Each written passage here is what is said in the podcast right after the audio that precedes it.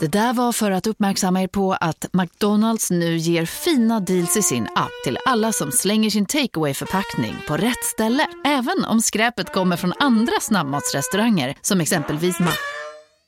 Eller till exempel Burger... Hej, Susanne Axel här. När du gör som jag och listar dig på en av Krys vårdcentraler får du en fast läkarkontakt som kan din sjukdomshistoria. Du får träffa erfarna specialister, tillgång till lättakuten och så kan du chatta med vårdpersonalen.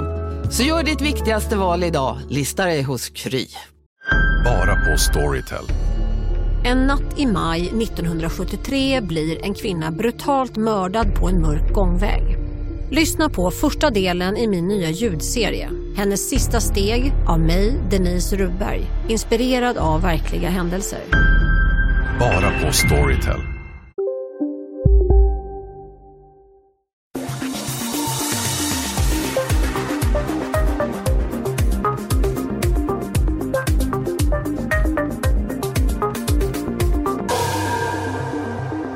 Den 19 augusti 2009 åker en 17-årig flicka från Sölvesborg till Växjö för att uppfylla sin dröm om att bli modell. Hon har blivit upptäckt på Facebook av en modellagent och är nu på väg till honom för en fotografering. Hennes mamma vet att hon åker dit, men inte att hon åker ensam. Hon vet heller inte att mannen som flickan ska träffa är en lögnare, en bedragare och en våldtäktsman. Mammans oro växer när flickan inte svarar i telefon och hon ringer därför polisen för hjälp men informationen är inte tillräcklig och polisen kan inget göra.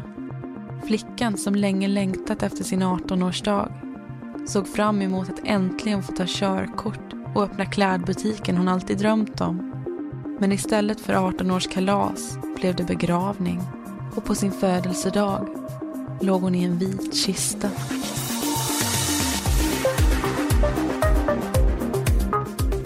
Du lyssnar på Mordpodden och i säsong 1 tar vi upp mord som har skett i Småland.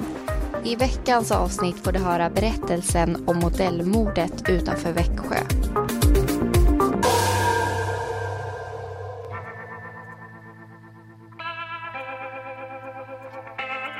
År 1992 kom Rebecka till världen. Det tog inte lång tid innan föräldrarna förstod att de hade fått en flicka som njöt av uppmärksamhet. Förutom att stå på scen och sjunga älskade hon att prova kläder. Och det började sakta men säkert att växa fram en dröm. En dröm om att bli fotomodell. Den 10 oktober 2009, när Rebecca är 17 år gammal, får hon en överraskning när hon loggar in på Facebook. En ny vänförfrågan väntar och meddelandesymbolen lyser. Hon öppnar inkorgen och klickar in på det nya meddelandet. Du var det finaste jag sett. Så vacker. Hoppas att det inte gjorde något att jag addade dig. Det var det första meddelandet som mannen skrev till Rebecka. Men det skulle bli långt ifrån det sista. Han frågar om Rebecka någon gång funderat på att bli modell. Den 17-åriga flickan från Sölvesborg blir smickrad. Mannen som bor utanför Växjö berättar då att han ska öppna en webbshop och en klädbutik i Kalmar och frågar Rebecka om hon vore intresserad av att vara modell för hans kollektion. När Rebeckas mamma får höra talas om erbjudandet säger hon bestämt nej. Rebecka har alldeles för mycket att fokusera på i skolan så någon modellkarriär finns det ingen tid för. Men Rebecka ger inte upp i första taget. Hon och modellagenten fortsätter att hålla kontakt under våren både via Facebook och telefon. Deras samtal och relation blir mer och mer personlig. Modellagenten berättar att han är 28 år gammal. Men precis som mycket annat som mannen säger till Rebecca skulle åldern senare visa sig vara en lögn. I själva verket är han 36 år. Under sommaren 2010 börjar Rebecca prata mer och mer om modelljobbet hemma. Hennes mamma ber henne ta fram företagets uppgifter så hon kan kolla upp det. Men Rebecca har inga uppgifter att ge och hon blir arg på sin mamma för att hon inte litar på henne. Hon förklarar att mannen har sagt att bilderna ska tas av en kvinnlig fotograf och att det bara gäller helger så det kommer inte påverka skolan. Men mamma ger sig inte. Hon vill ha organisationsnummer på företaget och personnummer på mannen. Rebecka lovar att ta fram uppgifterna och mamman i sin tur lovar att inte berätta något för hennes pappa om jobbet. Det ska bli en överraskning. Rebecka och modellagenten träffas flera gånger under sommaren i smyg. För att inte hennes föräldrar ska få reda på något ber hon sin vän Marcus skjutsa henne när hon och agenten ska ses.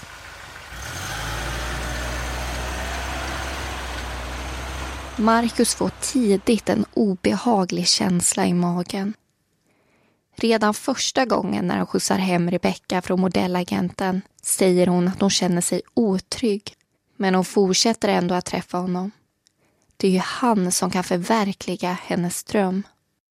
Flera gånger när Marcus hämtar flickan är mannen arg för att hon åker därifrån. Marcus får en känsla av att mannen är besatt av Rebecca och att hon inte känner likadant för honom som han känner för henne. I ett sms till modellagenten skriver Rebecca att hon vill att mannen bara ska vara hennes chef och att deras relation ska vara affärsmässig, inget annat. Mannen insisterar på att deras relation inte påverkar jobbet. Men de kommer överens om att istället fokusera på fotograferingen som närmar sig. Tillsammans med sin familj åker Rebecca till Rumänien på semester. Ingen av dem har någon aning om att det kommer bli deras sista familjesemester. Någonsin.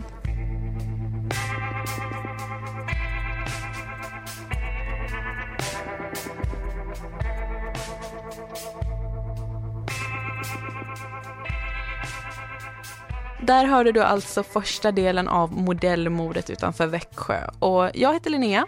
Och jag heter Amanda. Och vi kommer alltså leda dig igenom den här mordberättelsen. Mm. Och eh, innan du får höra fortsättningen så vill vi stanna upp lite och faktiskt diskutera det som vi precis har hört.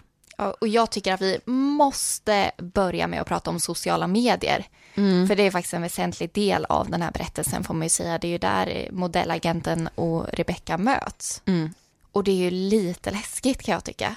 Ja, jag tror inte man tänker på det när man själv sitter och surfar på Facebook, att Nej. det här är ju ändå nästan en jaktmark för alla möjliga lustiga ja. människor. Man vill ju inte tro det. Nej.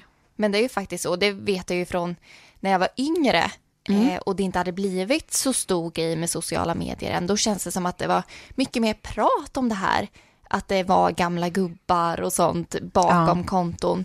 Men nu känns det som att alla håller på med det här i yngre och yngre åldrar. Mm. Men diskussionen har försvunnit lite upplever jag.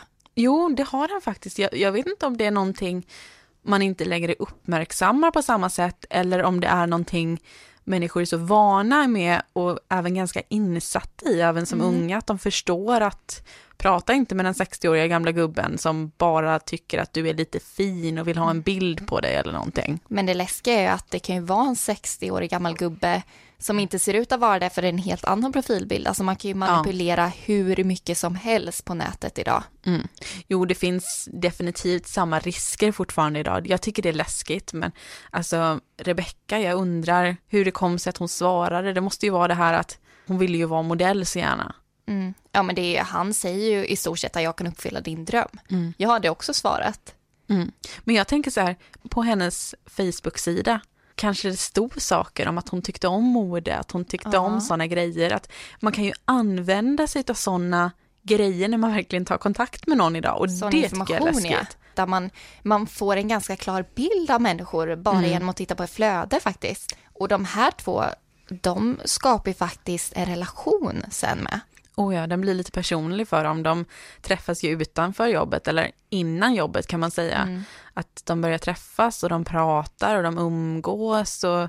Men det är ju också tydligt att han är mer intresserad av henne än vad hon är. Hon mm. är ju fokuserad, hon vill ju träffa honom på grund av jobbet, men han ser ja. ju mer i henne. Ja, hon vill bli modell. Ja, och han är hennes väg in i det helt enkelt. Ja, precis. Men han tänker annorlunda. Och vi har ju en faktiskt sms-konversation i domen. Ja, just det. Den måste vi läsa upp. Ja, men det tycker jag. eh, lite sms av vad de har skrivit till varandra. Mm. Då skriver alltså han till henne. Jag ska fika på stan, har du lust att hänga på? Mm. Varav hon svarar, inte nu är jag trött. Det här säger faktiskt att hon, hon vill inte träffa honom. Nej, det är en typisk klassisk ursäkt skulle jag säga. Bara, nej, jag är trött. Jag orkar inte. Ja. Eh, och då svarar han då, okej men du, jag saknar din fina kropp. Här Åh. börjar det ju bli lite läskigt. Där går gränsen för mig. Där, där har de, han har gått över gränsen. Han ville ha henne som modell. Nu verkar han vilja ha henne som någonting annat. Ja, Mm. Vi har ju också sen, kommer lite senare i sms-konversationen att hon säger ju faktiskt till honom. Hon, hon drar den här gränsen. Hon säger, jag vill bara att du är min chef just nu. Det blev för mycket sist och rörigt sen. Vi kan prata och vi kan umgås, men inte mer. Det funkar inte.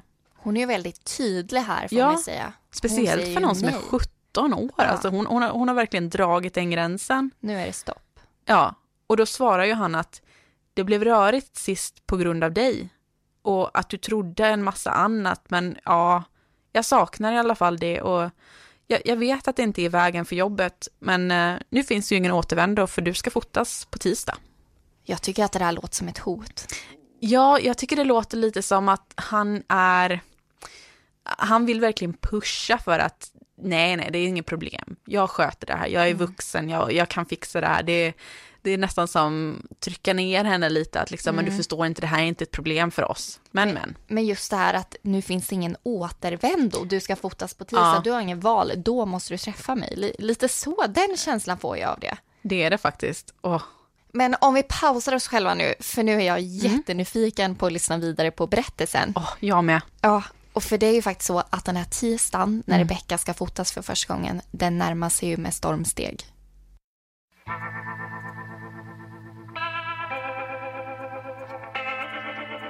När Rebecca och hennes familj kommer hem från semestern i Rumänien är hon inte sig själv. Hon verkar ständigt upptagen och till mammans frågor ger hon bara korta svar. Mamman känner på sig att det är någonting som Rebecca inte vill berätta. Tisdag den 17 augusti är en helt vanlig dag.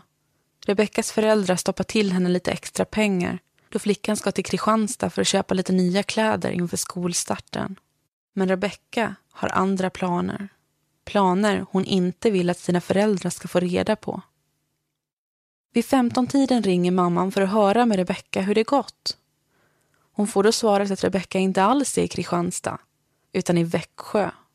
Mot föräldrarnas vilja har dottern åkt dit för en första fotografering med modellagenten. Mamman blir chockad och orolig.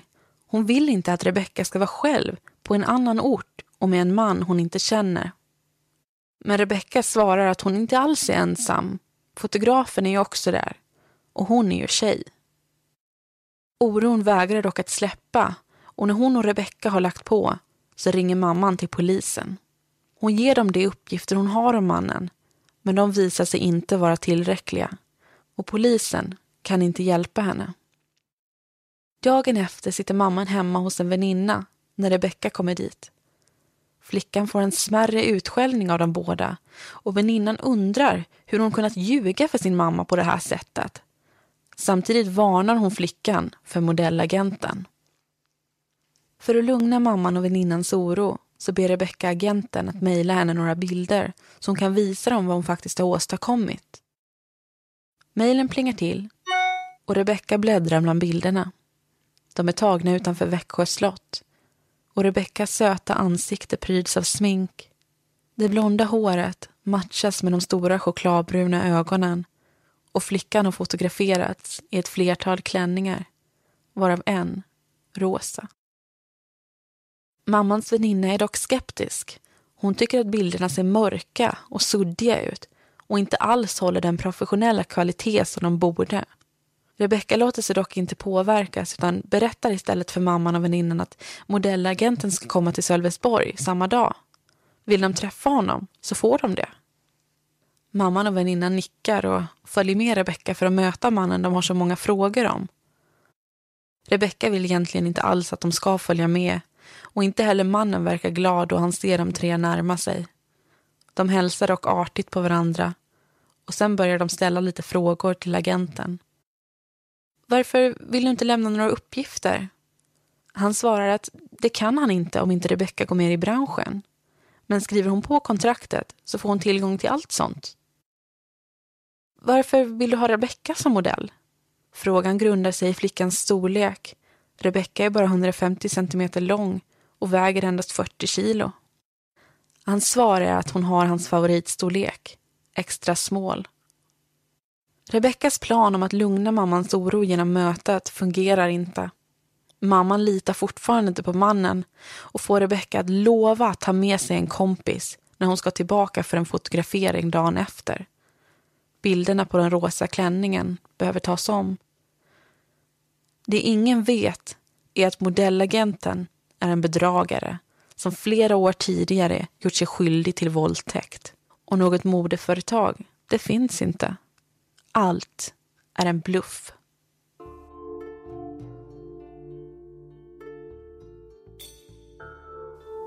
Torsdagen den 19 augusti väcker mamman Rebecka på morgonen. Flickan har nu lovat att inte åka till Växjö själv. Hon har också lovat att svara i telefonen när mamman ringer. Mamman vet att en vän till Rebecka, Marcus, brukar skjutsa henne till olika ställen och misstänker därmed att detta skulle vara fallet även idag. Men vad hon inte vet är att Marcus har blivit sjuk och hans bil har gått sönder.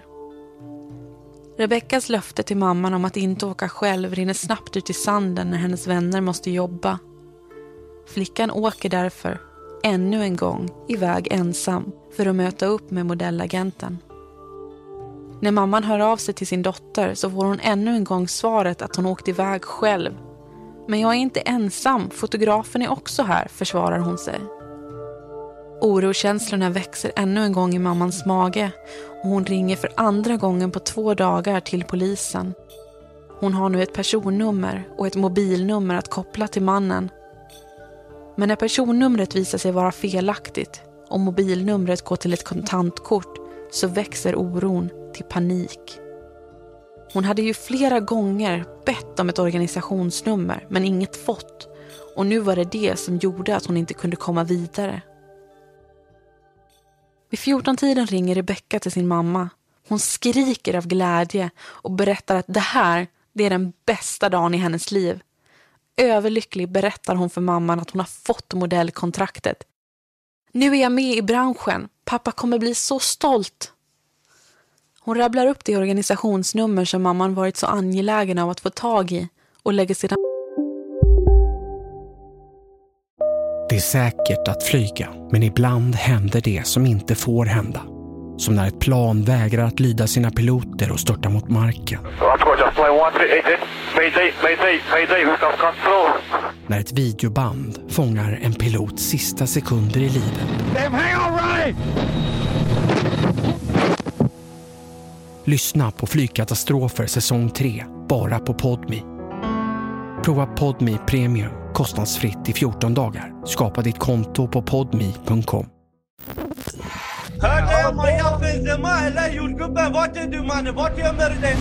I den tredje säsongen av Gängen hör du bland annat mordet på Mikael i Skärholmen, gängledaren som återuppstod från de döda och mordet på jordgubbens mamma. Lyssna på Gängen på Podmi. Signa upp dig på podmi.com.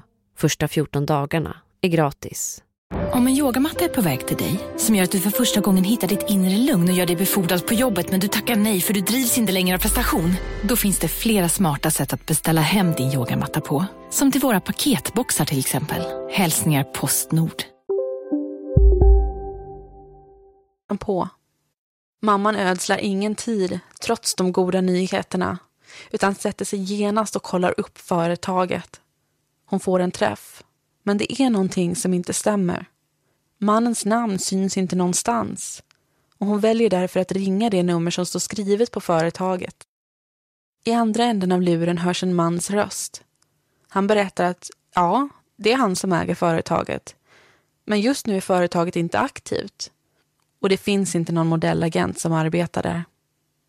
Klumpen i magen är nu stor och växer för varje samtal till Rebecka som inte besvaras. Däremot får mamman tag i modellagenten själv. Runt 16-tiden berättar han att Rebecka fortfarande fotograferas och att han själv sitter och tittar igenom bilderna. Hon får också tag i fotografen som efter fotograferingen berättar att agenten sagt att han skulle köra hem Rebecka.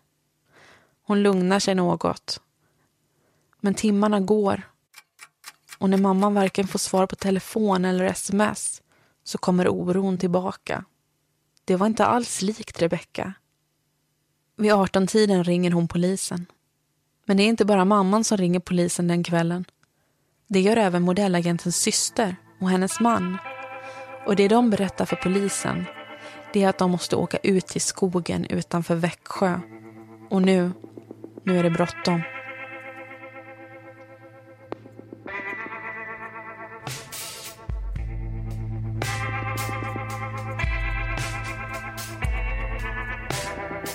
Du vill lyssna på Mordpodden. I säsong 1 tar vi upp mord som har skett i Småland.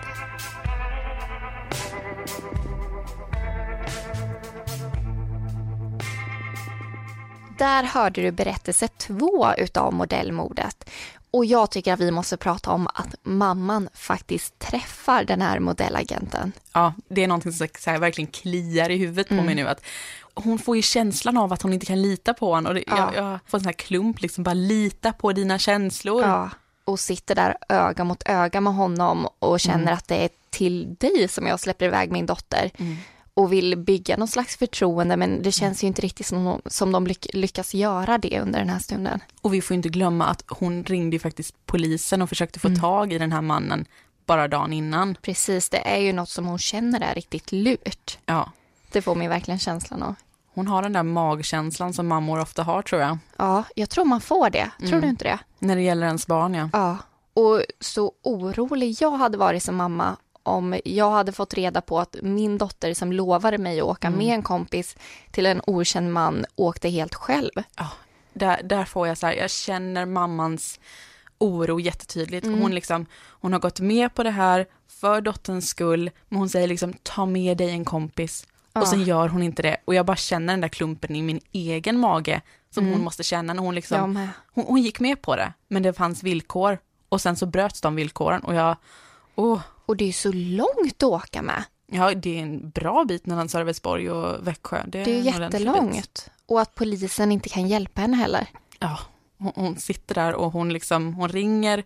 Och man får ju inte säga så att Alltså hon har ju varit jättepå i den här diskussionen, alltså mm. hon har försökt få tag i personnummer, hon har försökt få tag i organisationsnummer hela tiden och när någonting händer då, då ringer hon till dottern, hon ringer till alla hon känner och hon ringer eh, till polisen. Och får inget svar. Det vet man ju bara själv om någon som man tycker om inte svarar i telefon mm. när den borde göra det. Man blir ju jätteorolig. Man blir ju hjälplös helt Ja, enkelt. och då kan det ju bara vara att den personen kanske åkte bil hem från jobbet och man blir nervös. Mm. Här har hennes dotter åkt till en främmande man massa mil bort. Men jag tänker på Rebecka, alltså den här modellkarriären, det är ju mm. det hon verkligen vill. Men det känns som att på grund av att hon vill det så himla mycket så blundar hon för de här äh, varningstecknen. Ja. ja.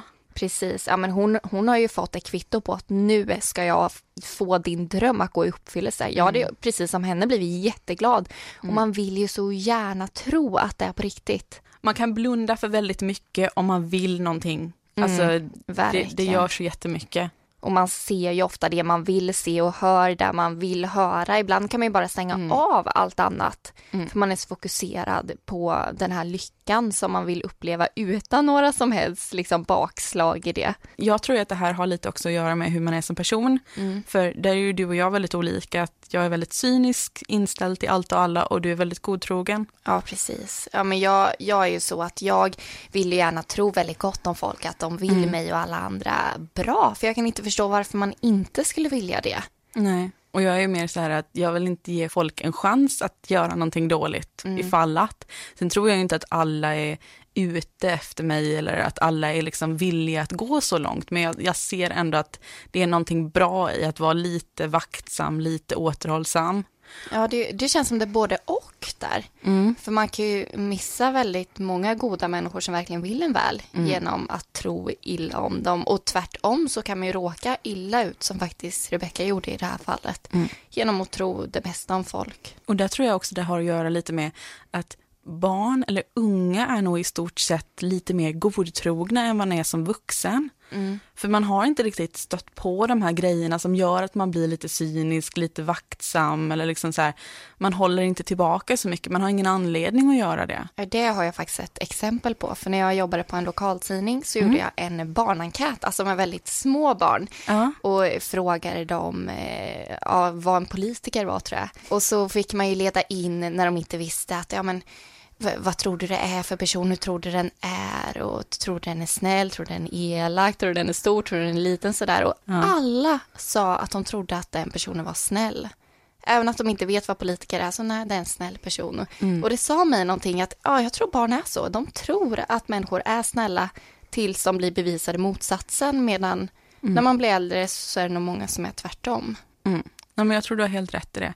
Men eh, om vi pausar lite nu och vi går tillbaka till historien. För jag, vill, eller jag måste verkligen veta, Ja, varför ringer mannens syster till polisen?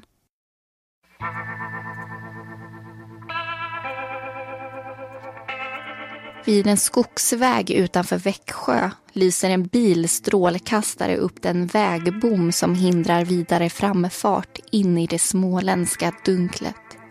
I framsätet sitter modellagenten. I baksätet sitter Rebecka.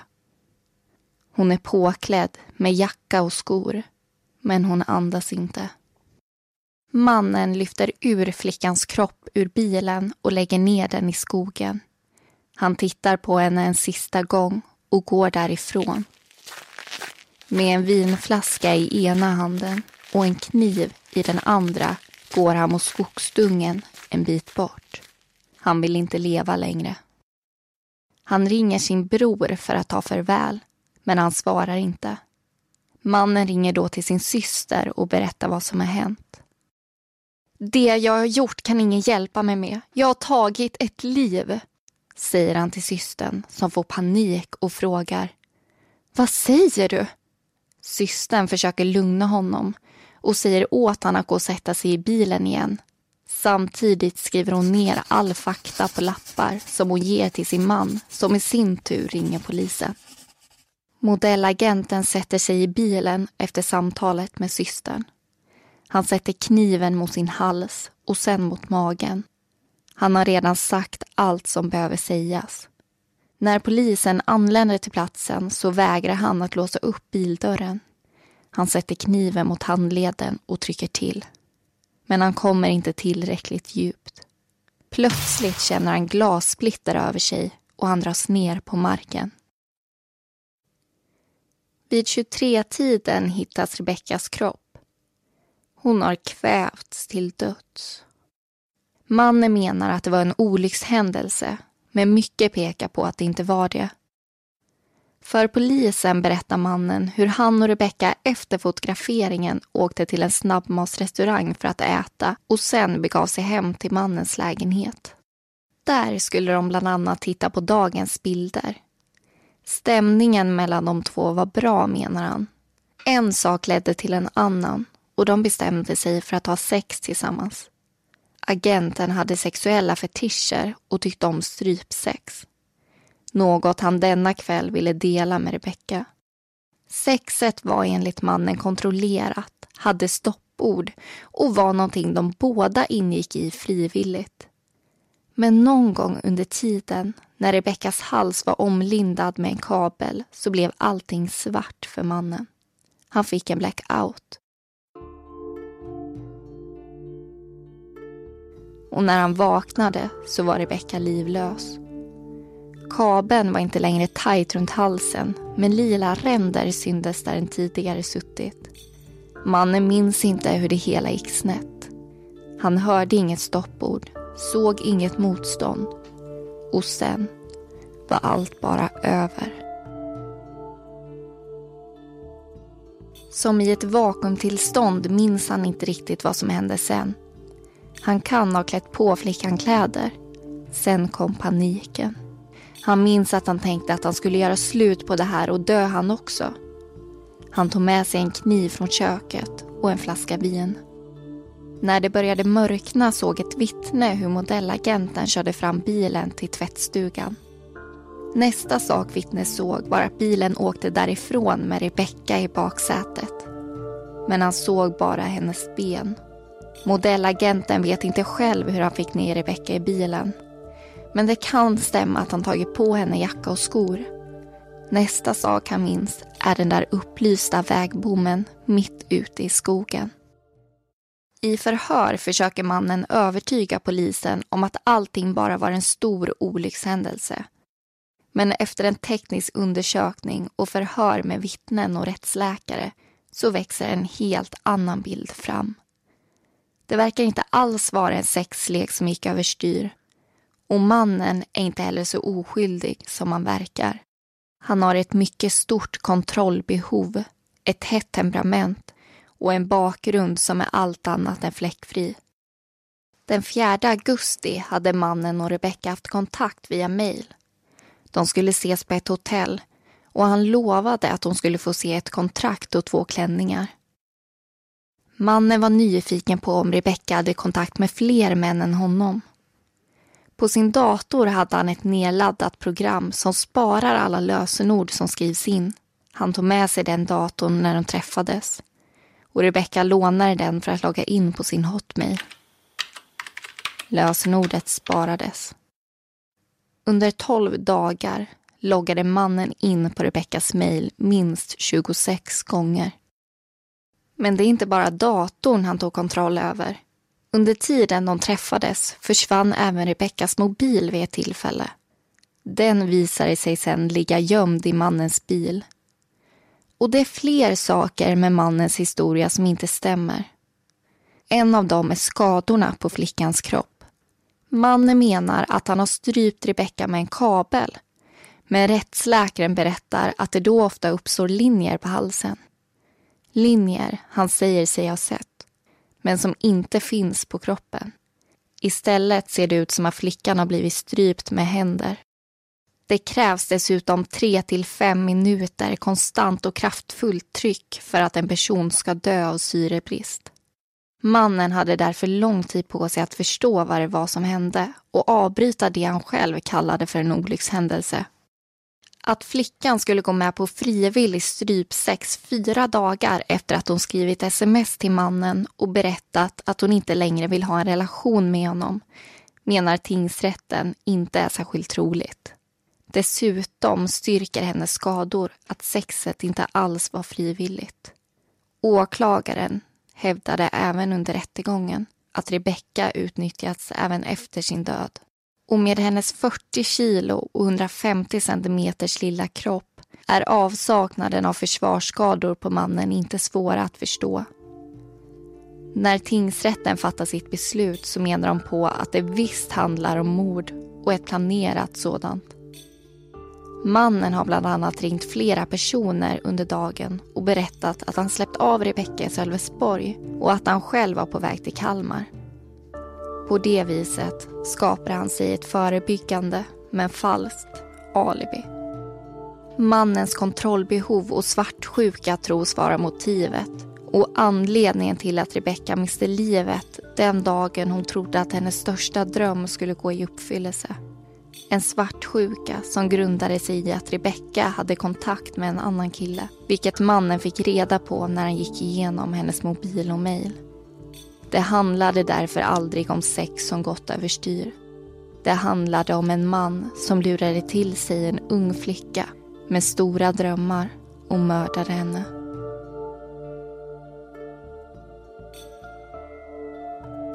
Rebecka fick aldrig uppleva sin 18-årsdag den dagen hon hade sett fram emot i så många år. Efter att familjen fått det fruktansvärda beskedet fortsatte hennes lillebror att fråga varför hans syster aldrig kom hem. För att ge honom svar tog föräldrarna med honom till den rättsmedicinska avdelningen i Lund. Där fick han se och prata med sin syster. Och då förstod även han att Rebecka aldrig skulle komma hem igen.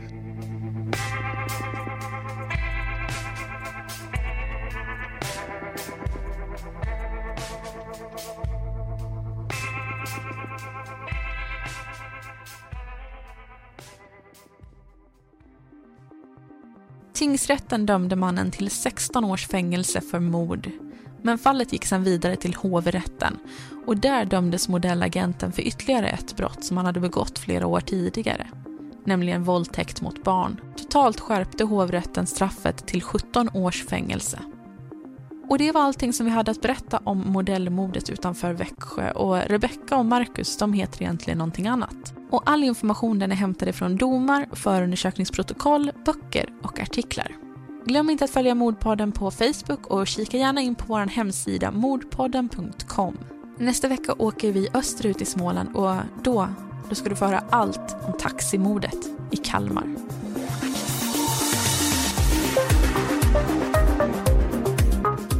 Du har lyssnat på Mordpodden. Vi som har gjort den heter Amanda Karlsson och Linnea Bolin. Bakgrundsmusiken är gjord av Kevin MacLeod och heter Lasting Hope och Lightless Dawn.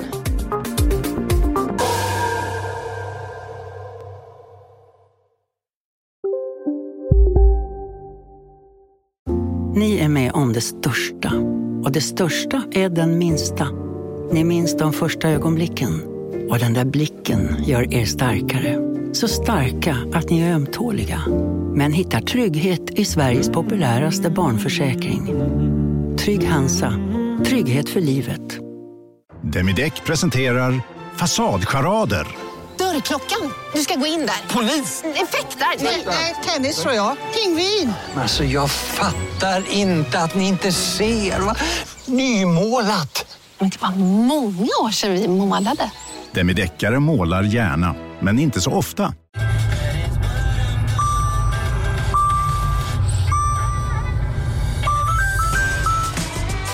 Dags att fylla på tanken. Stanna på Circle K så får du 50 öre rabatt per liter på dina tre första tankningar när du blir medlem. Vi ses på Circle K i sommar.